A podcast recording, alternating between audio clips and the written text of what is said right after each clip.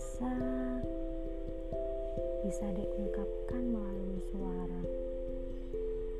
Coba aja dengarkan suara cerita rasa. Siapa tahu kamu